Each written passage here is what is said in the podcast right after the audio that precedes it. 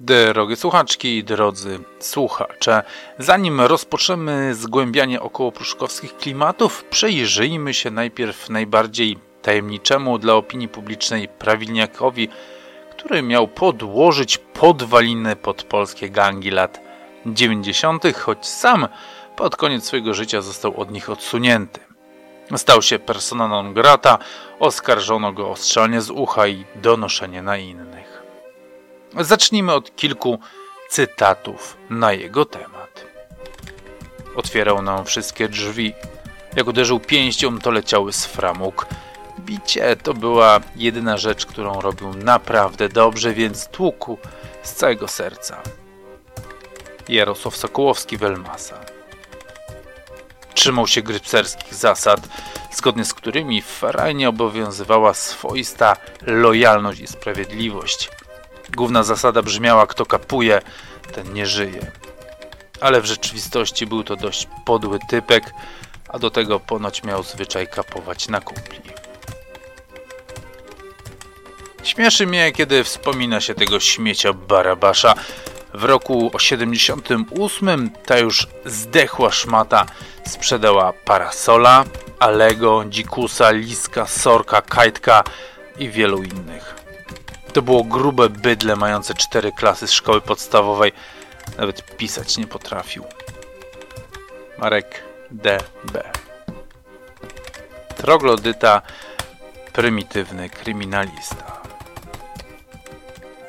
Pomówimy sobie dzisiaj o Ireneuszu Pisz czyli Barabaszu, urodzonym w latach 50. na Żbikowie, zmarłym w marcu 91 roku gdzieś między Nadarzynem a Komorowem.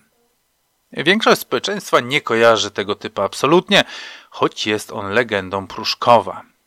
Dziś jednak nieco zakurzoną, nieszanowaną, a przez wielu zupełnie zapomnianą. Ale jednak to postać, przy której przestępczego fachu uczyli się późniejsi bosowie polskiej mafii. Ostatni, a być może jedyny wywiad z Ireneuszem P., przeprowadzony przez gazetę Ekspres wieczorny w lipcu 90 roku, to rozmowa ze zmęczonym i zniszczonym życiem panem, który lata świetności ma za sobą. Mimo żony i syna, z którymi mieszka w ciasnym mieszkaniu w bloku z wielkiej płyty, jest człowiekiem osamotnionym, porzuconym przez dawnych kompanów. Spróbujmy zatem odchylić tego rąbka tajemnicy i zajrzeć w przeszłość nieżyjącego już dziś Barabasza. Jak z Harnasia stał się persona non grata i czy na pewno zginął w wypadku samochodowym, czy też ktoś mu w tym pomógł. Zapraszam na kolejny odcinek serii Polskie szajki oprychów lat dziewięćdziesiątych.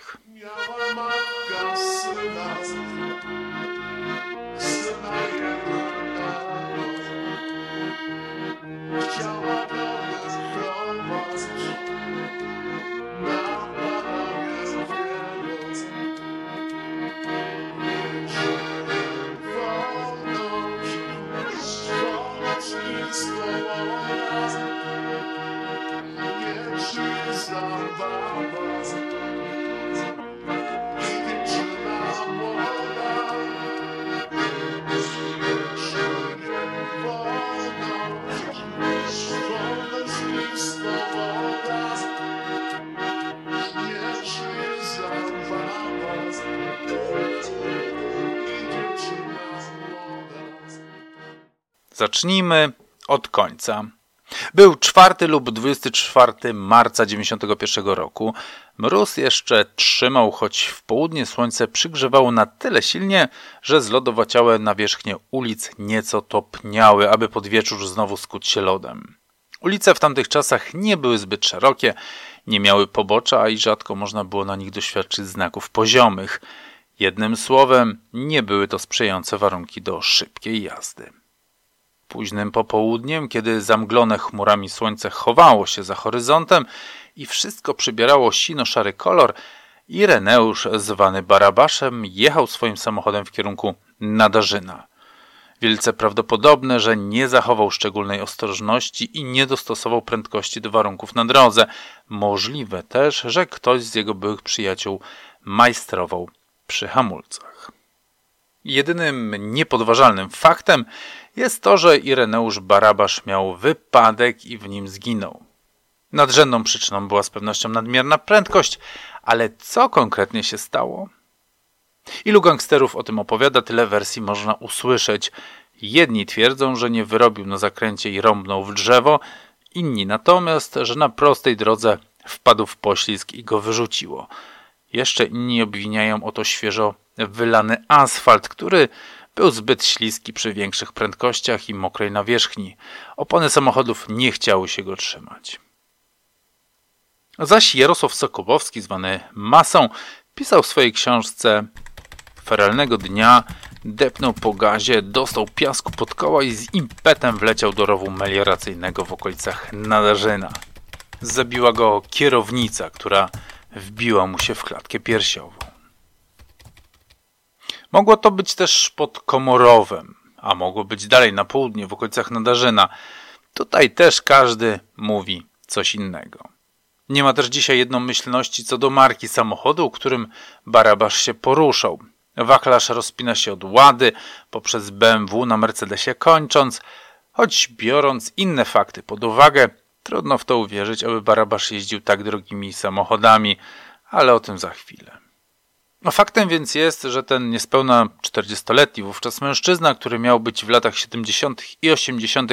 postrachem Pruszkowa i okolic, zginął w wypadku samochodowym i gdyby nie jego byli kamraci, słuch byłby o nim zupełnie zaginął. Znikłby w gąszczu innych prymitywnych włamywaczy i rozbójników, których przecież od zawsze było od zatrzęsienia. Czy rzeczywiście ktoś mu dopomógł i przeciął przewody hamulcowe? Ja nie sądzę, aby była taka potrzeba. Barabasz był w 91 roku osobą już nic nieznaczącą, a jego dawni kompani podobno już mu wybaczyli, że strzelał z ucha. Policja zresztą też nie znalazła żadnych dowodów, które wskazywałyby na udział osób trzecich i ostatecznie prokuratura sprawę umorzyła, nie znajdując przesłanek, aby było to coś więcej niż nieszczęśliwy wypadek. O Barabaszu nie mówi się w zasadzie solo. Zawsze wspomina się jego grupę, ale warto na samym początku zaznaczyć, że owa grupa nie miała jeszcze nic wspólnego z przestępczością zorganizowaną. Byli to luźno powiązani przestępcy, którzy przy okazji większych napadów szli po prostu razem, a łupem dzielili się porówno. Nie było tam w zasadzie szefa, bossa, wszyscy byli sobie równi. Oczywiście, jak to w grupach bywa, tworzył się jakiś nieformalny lider, a był nim właśnie Barabasz. Nie był z nich najstarszy i raczej nie najmądrzejszy, ale możliwe, że był z nich najsilniejszy. Podobno od wczesnych lat pracował w kuźni przy miechu, czym wyrobił sobie piekielnie mocną siłę. Ponadto był bezwzględny i charakterny. Jak się miało później okazać, z tym drugim to nie tak do końca, no ale o tym pomówimy sobie później. Jarosław Sokołowski, zwany Masą, wypowiedział się o nim następująco. Nie określiłbym go mianem sadysty, po prostu przykładał się do wykonywanej pracy.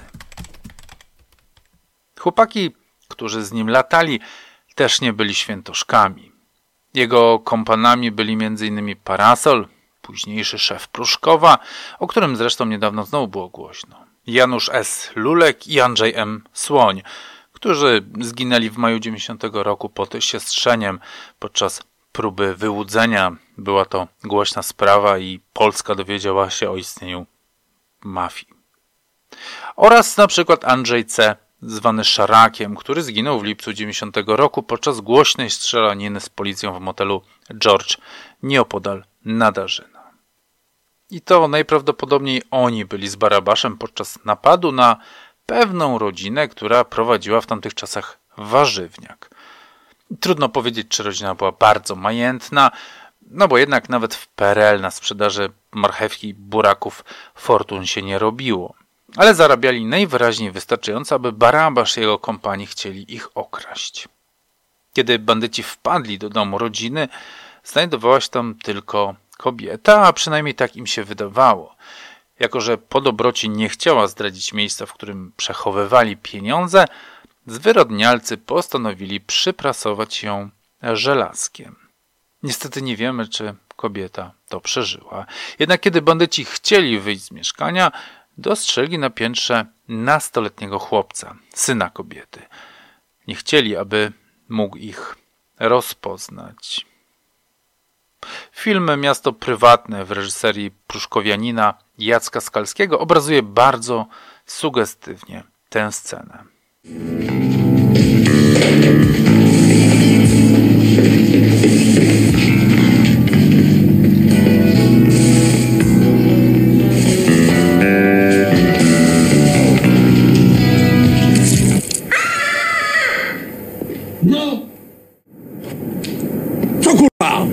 Po coś to zrobił, Jezu, po coś to zrobił? Bo by nas gnój rozpoznał. Najpierw musieliby nas złapać. Ty powiedz mi, jaka jest różnica między załatwieniem starucha a oślepieniem gnoja? Nie, tam wszystko jedno. Kurwa mać. Ten oślepia dziecka, a temu jest wszystko jedno. Wszystko jedno. Jak masz wyrzuty sumienia, to się pochlasta i przestań udawać świętego. Kto skrzydził tak bardzo tę kobietę i syna, na 100% nie wiadomo. Jedni mówią, że był to sam Barabasz, ale Konrad Bogusławski, który kręcił się wokół tych ludzi w latach 80. i 90., twierdzi na przykład, że tego dopuścili się słoń i lulek, dodając przy tym, że byli to wyjątkowi zwyrodnialcy i degeneraci i nie szkoda ich, że zginęli pod siostrzeniem, a świat bez nich stał się lepszy. Nas jednak chyba nie interesuje, który z przestępców grupy Barabasza był tam najokrutniejszy. Być może byłoby to interesujące dla prokuratury, gdyby chciała kogoś posadzić. Dziś jednak ogromna większość tamtej grupy wącha kwiatki od spodu, więc licytacja, który z nich popełnił gorszą zbrodnię, nie ma sensu. Zwłaszcza, że żaden z nich by się do tego organom ścigania nie przyznał, a przed koleżkami szklance wódki każdy z nich pewnie by się przechwalał, że to właśnie on postawił kropkę nad i. Najbardziej prawilnym z tej ekipy miał być podobno parasol, który, jak znowuż głosi legenda, nigdy na psach się nie rozpruł. W przeciwieństwie do bohatera dzisiejszego odcinka Barabasza właśnie, który zeznawał milicji jak miło, aby tylko otrzymać mniejszy wyrok. Przykładowo, kiedy zamknęli go za serię włamań do mieszkań w 1977 roku, natychmiast wsypał parasola, z którym mieszkania obrabiał. Parasola zatrzymali, a Barabaszowi zmniejszyli karę. Wydawać by się jednak mogło, że git człowiek głoszący głośno patetyczne grypserskie hasła o lojalności i prawilności, który bezwzględnie powtarzał, że kto kapuje, ten nie żyje, sam nie posunąłby się do takiej zdrady, do zdeptania swojego dobrego imienia. Mało tego, ileż to razy mogliśmy usłyszeć, że w latach dziewięćdziesiątych mafia łamała zasadę starych urków, że bandyci młodego pokolenia już niczego nie respektują. Ech, słodka naiwności chciałoby się powiedzieć. Tego typu zasad trzyma się i broni tak długo, aż dupa nie zacznie się palić. Wtedy reguły się kończą, a zaczyna pruszków. Przepraszam za suchy jak stoper Cejrowskiego żart. Już raz to wspomniałem, ale warto chyba przypomnieć, że ogromna większość prawilniaków trzyma się swoich zasad tak długo, jak długo im się to opłaca i ani minuty dłużej. Nie bądźmy naiwni, tu wszystko przelicza się na zysk. Wspomniałem już o tym szerzej w nawiązaniu do dziada. Jeśli Państwo nie słyszeli, to oczywiście link podpinam. Nie donosi się na kolegów tak długo, jak długo ma to sens. Jeśli zaś się okazuje, że więcej można urać na strzelaniu z ucha, to szybciutko woła się klawisza i biegnie do prokuratury na spowiedź. Parasol podobno nigdy nie kapował. Ja w to osobiście wierzę. Najwyraźniej bardziej opłacało mu się milczeć, bo wybaczcie, znowuż patetyzm, jeśli mowa jest srebrem, milczenie potrafi być złotem. O parasolu nie ma jednak dobrego zdania nielubiany przez ogromną część środowiska przestępczego Jarosław Masa. To taki sam troglodyta jak Barabasz napisał w swojej książce. Bezwzględny, wyzuty z uczuć.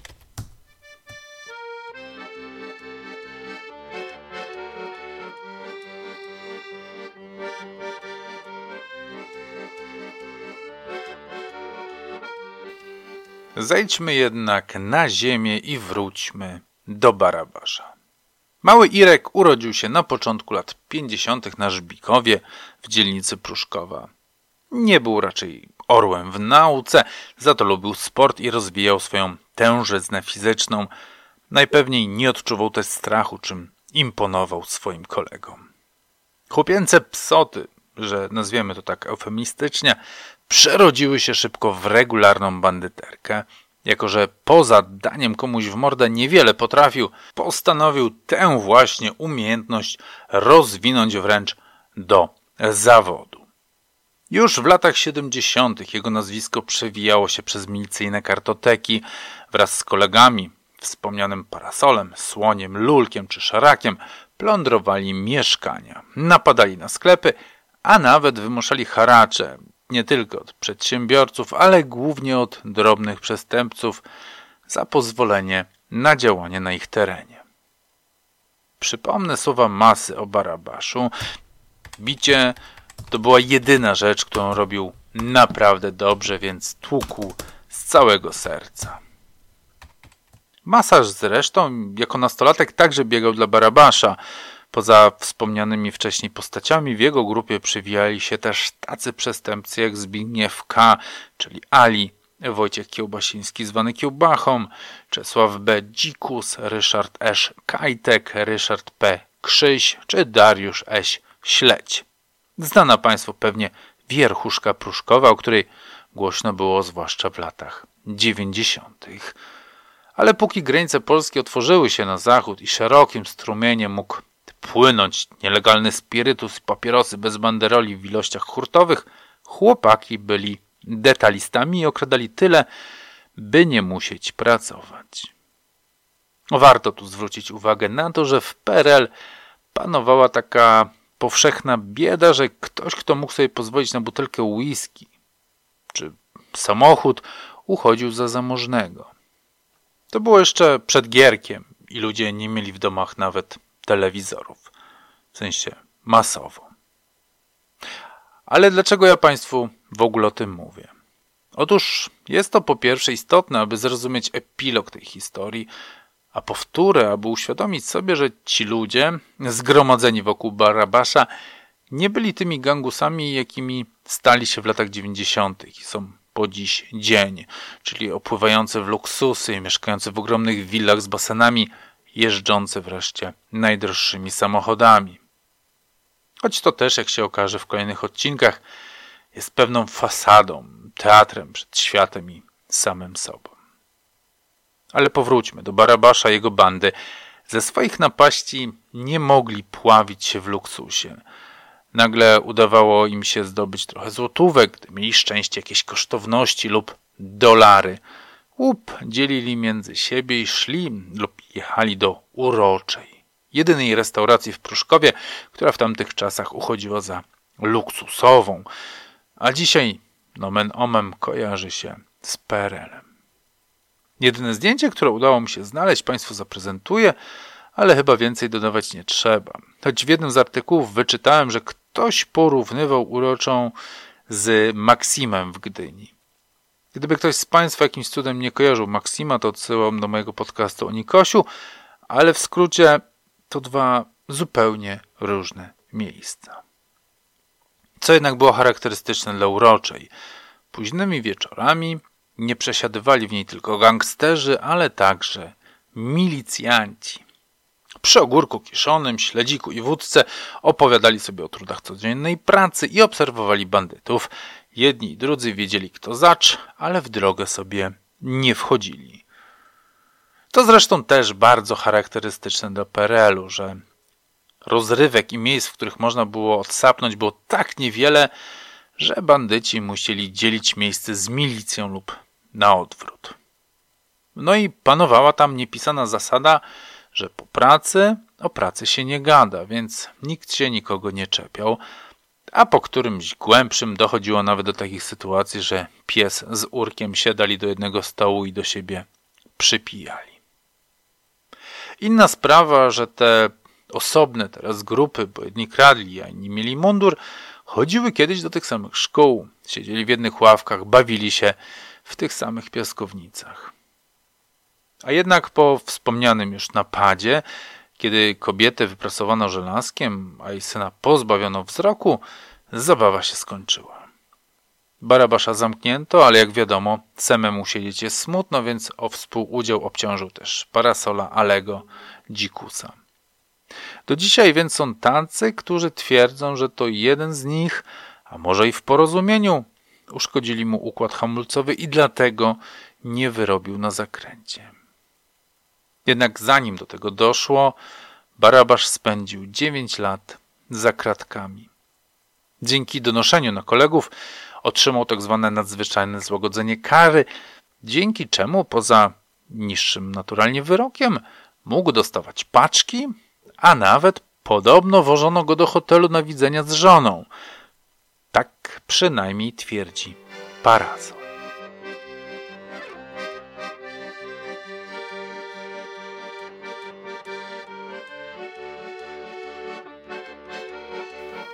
No ale co działo się po wyjściu Barabasza z więzienia? Dziewięć lat to nie mało. Zwłaszcza, że przez Polskę wiał wiatr wolności. Wydostawaliśmy się spod radzieckiego onuca. Otworzyliśmy gospodarkę na kolej McDonalda. Barabasz zatem pod koniec lat 80., kiedy wychodził z więzienia, trafił do nieco innej rzeczywistości niż ta, którą opuszczał. Mało tego, kiedy wyszedł na wolność, nikt na niego nie czekał pod zakładem karnym. Nie był już tym samym Barabaszem, o którym szeptał cały Pruszków.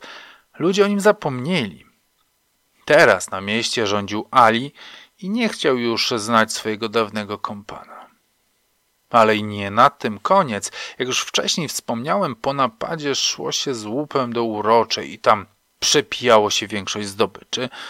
Część oczywiście zabierało się do domu, aby stara ugotowała strawy dla dzieciaka i kupiła mu jakieś spodnie czy kurtkę, ale generalnie wtedy nikt nie myślał o inwestowaniu, robieniu legalnych interesów czy choćby chowaniu pieniędzy pod materac. Więc kiedy Barabasz wyszedł na wolność, był biedny jak mysz kościelna. Budżetem domowym zajmowała się jego małżonka, pani Małgorzata, która z trudem wiązała koniec z końcem i z jeszcze większym trudem wychowywała samotnie syna, robiąc wszystko, aby nie poszedł w ślady ojca. Barabasz chyba zrozumiał, że jego czasy się skończyły. W lipcu 90 roku, blisko rok po wyjściu Barabasza na wolność, odwiedził go dziennikarz Ekspresu Wieczornego. Swój wywiad zaczyna od narysowania postaci Barabasza. Wspomina o zabójstwach na szosie w Siestrzeniu, o strzelaninie w motelu George i wiąże je z Barabaszem, choć jego związek z tymi wydarzeniami był taki, że chłopaki, którzy tam zginęli kiedyś, dla niego latali i nic więcej. Gdzie się ukrywa, pisze dziennikarz, dlaczego nie został aresztowany? Czy układy, pieniądze lub goryle bronią go przed sprawiedliwością? Jak wygląda jego rezydencja? A później dziennikarz odkrywa karty przed czytelnikami i pokazuje swoimi słowami rzeczywistość pruszkowskiej legendy. W lipcu 90 roku Barabasz był robotnikiem mieszkającym w ciasnej kawalerce z ciemną kuchnią. Mieszkał tam z żoną i nastoletnim synem. Jeden pokój z dwiema kanapami i telewizorem. Niewielka kuchnia, w której z trudnością mieszczą się trzy osoby, no i wspólna łazienka na korytarzu. Mężczyzna jest zniszczony życiem. Jego skóra przypomina barwą kurczaka w lodówce z supermarketu. Jego włosy są przetłuszczone i nieuczesane. Czuć od niego potem, ropiącymi zębami, dymem tanich papierosów. Barabasz to ja, mówi dziennikarzowi. Siedziałem za kradzieże od 80 roku. Dziewięć lat. Wyszedłem z powodów zdrowotnych kilka miesięcy temu. Dowiedziałem się wówczas z prasy, że kieruję mafią. Początkowo się śmiałem. Bardziej zajmowało mnie własne chore serce i stawy. Tylko ile można się śmiać? Czym pan się zajmuje? zapytuje dziennikarz. Nie robię interesów walutowych, bo nigdy nie miałem z tym nic wspólnego. Nie likwiduję cinkciarzy. Nie zabiłem grobelnego, co mi się przypisuje. Nie jestem szefem mafii. Pracuję jako brygadzista w prywatnym przedsiębiorstwie budowlanym. Jeśli kiedyś miałem do czynienia z kradzieżami, to dziś zajmuję się układaniem podłóg, glazury, remontami usiłuję żyć normalnie. Fama głosi co innego. Nie jest to przyjemne, gdy na przykład sukces czy agora wypisują o mnie bzdury. Trudno się z tym pogodzić, szczególnie w sytuacji, gdy się żyje wśród ludzi, którzy znają mnie z dawnych lat. Nie ukrywam swojej przeszłości. Nie przeczę, że byłem sądzony w jednej sprawie z dwoma ludźmi uczestniczącymi w niedawnych zaściach w Georgiu. Tyle tylko, że to była dziwna sprawa. Posadzono nas piętnastu na ławie oskarżonych. Podobno byliśmy grupą, ale sześciu ludzi z tej grupy pierwszy raz na oczy widziałem. Okrzyknięto pana szefem. Znano mnie jako silnego człowieka. Pasjonowałem się kulturystyką. Dziś mogę tylko popatrzeć, jak to się robi. Stąd wziął się mój pseudonim Barabasz. Święty nie byłem, ale nigdy nie byłem bandytą. Miałem dwie sprawy sądowe w życiu. Raz mnie uniewinniono, raz dostałem wyrok. Odsiedziałem swoje, nie mam najmniejszej ochoty wracać do więzienia, a widzę coraz wyraźniej, że ktoś moim kosztem chce załatwić swoje sprawy. Czego pan oczekuje dzisiaj? Przede wszystkim spokoju. Nie chcę mieć nic wspólnego z działalnością, którą mi się przypisuje. Nie chcę również wracać do przeszłości. Jego spokój trwał jakieś osiem miesięcy, aż jego samochód nie zabrał go do krainy wiecznych łowów. Być może w tym środowisku wiecznych włamów. Jego legenda powoli przygasa i tylko tacy łasi na wyświetlenia ludzie jak ja podsycają jeszcze jej płomień. Bo ci, którzy go znali, najchętniej by o nim zapomnieli. Pozwólcie Państwo, że przytoczę jeszcze jedną wypowiedź niejakiego Marka DB z gangu pruszkowskiego. Niestety nie udało mi się ustalić, kto zacz, ale jeśli Państwo wiedzą, komentarze są Wasze. Uf, Marek wysłał z zakładu karnego list do dziennikarzy Ewy Ornackiej i Piotra Pytlakowskiego, który został opublikowany w książce Nowy alfabet mafii. Pan Marek pisze. Kiedy zawiązywała się grupa wołomińsko-pruszkowska, był to rok 90, byłem na wolności. Ali, Kajtek to moi bardzo bliscy koledzy. Jacek Dresz to eks-wspólnik i kolega niemal od ławy w szkolnej. Jego syn, o którym śmierdzący dziad napisał, że to on zabił ojca, to mój chrześniak. A z jego matką to ja zapoznałem Jacka. Jacek to był człowiek, którego panicznie się bali wszyscy przestępcy warszawscy. Szczególnie ci, którzy łamali zasady i wyciągali łapy po pieniądze kolegi. Jacek Dresz, odsiadując dziesięcioletni wyrok, miał tak zwanego wafla, z którym dzielił się każdym kawałkiem chleba. Kiedy wyszedł na wolność, to temu koledze wysyłał paczki, pieniądze na wypiskę, aż przyszedł czas, że tamten wyszedł i przyjechał do Jacka. Trzeba trafu, że Jacek Dresz akurat musiał jechać w interesie i na czas swojej nieobecności polecił go swojemu bliskiemu koledze, by ten go ugościł, wziął gdzieś na balety, załatwił dziewczyny i tak dalej. Oczywiście na koszty Jacka. No i ten chłopak wziął go do dobrego lokalu. Popili wódeczki. I co się okazuje? Ten, co wyszedł z więzienia, okradł chłopaka, któremu Jacek go polecił. I co zrobił Jacek? Szukał go po całej Warszawie, aż znalazł kur... Wyciągnął, wsadził w bagażnik i powiózł do Palmir, a tam, oprócz zdrowego lania kołkiem, wyjął z bagażnika siekierę i obciął mu rękę, mówiąc, że więcej kolegi nie okradnie. Śmieszy mnie, kiedy wspomina się tego śmiecia Barabasza. W 78 roku ta już zdechła szmata sprzedała parasola, Alego, Dzikusa, Liska, Sorka, Kajtka i wielu innych. Wtedy parasol dwa lata leżał i nie mówił.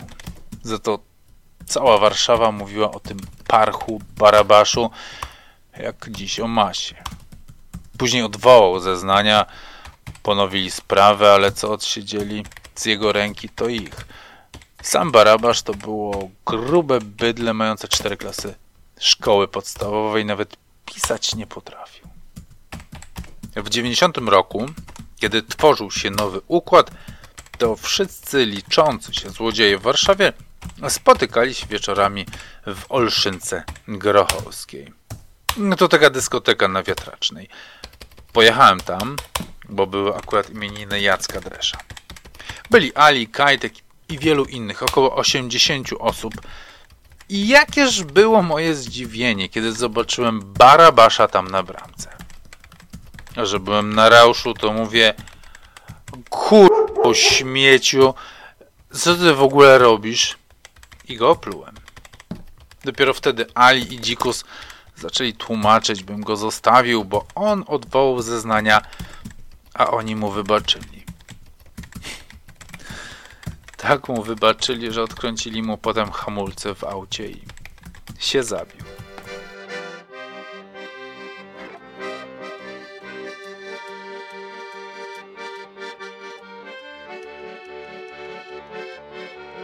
No dobrze, drodzy Państwo, ci, którzy dotrwaliście do tego momentu, zapytacie teraz, po co ja Wam to opowiadałem. Komu to potrzebne? Komu to potrzebne? Właśnie. A dlaczego? Dlaczego? Po pierwsze, dla pewnego rodzaju chronologii, czyli abym ja sam czuł, że robimy coś krok po kroku. Powtórę zaś dlatego, że przygotowując materiał o Pershingu, dałem się wciągnąć w pułapkę zastawioną we wspomnianej już książce Nowy Alfabet Mafii, w której napisane jest, że w latach 70. Barabasz miał wziąć pod swoje skrzydła niejakiego Andrzeja Kolikowskiego i umożliwić mu wyjazd do Niemiec, gdzie ten rozwinął swoje skrzydła, nawiązał szerokie kontakty w półświadku i zarobił pieniądze na własny interes. Ale po zbadaniu tematu nieco dogłębniej okazuje się, że chodziło nie o Barabasza, ale o Jeremiasza Barańskiego, czyli Baraninę. Więc może nawijałem o Barabaszu niepotrzebnie? Bo w zasadzie wszystko, co chciałem o nim opowiedzieć, czy też użyłem go po to, aby pokazać, gdzie Pershing, a gdzie Pruszków, to to, co Filip Czerwiński ujął w swojej książce Pershing, Król Życia. Aby wyjaśnić różnicę między starym Pruszkowem a Pershingiem, musimy cofnąć się kilkadziesiąt lat wstecz, aż do lat 70. Wówczas to twardą ręką w Pruszkowie i okolicach rządził Ireneusz P. zwany Barabaszem prymitywny kryminalista, który terroryzując okolice, stworzył podwaliny pod twór, który później nazwaliśmy grupą pruszkowską. Działania jego szajki, zwanej bandą Barabasza, nie wychodziły raczej poza napady czy włamania do mieszkań i fabryk. Jednak pod jego skrzydłami przestępczego fachu przyuczały się późniejsze tuzy Pruszkowa, Banda nie miała w tamtym czasie konkurencji, a milicja czasem ich ścigała, a innym razem w pruszkowskiej restauracji Urocza piła z nimi wódkę. Wbrew temu, co kilka dekad wpajały nam media, Pershing bossem grupy pruszkowskiej nie był. Oczywiście Pruszków i Pershing nie byli sobie obcy. Pershing i zarząd Pruszkowa dobrze się znali.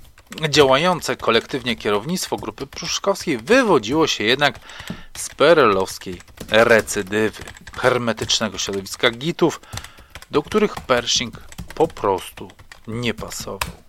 Nie siedział, więc jego lojalność nie została poddana próbie, nie potrafił też jak tamci wysławiać się bandycko-grypserskim językiem. Był człowiekiem z nieco innej bajki. No ale o tym, drodzy Państwo, opowiemy sobie przy następnym odcinku, którego bohaterem będzie właśnie Pershing. Póki co dziękuję za uwagę. Przypominam o lajkach i komentarzach, które dla twórców na YouTube są cenniejsze niż pieniądze. i przypominam o możliwości zasubskrybowania kanału, aby nie ominęły Państwa kolejne odcinki. Dziękuję raz jeszcze, do usłyszenia. Pa!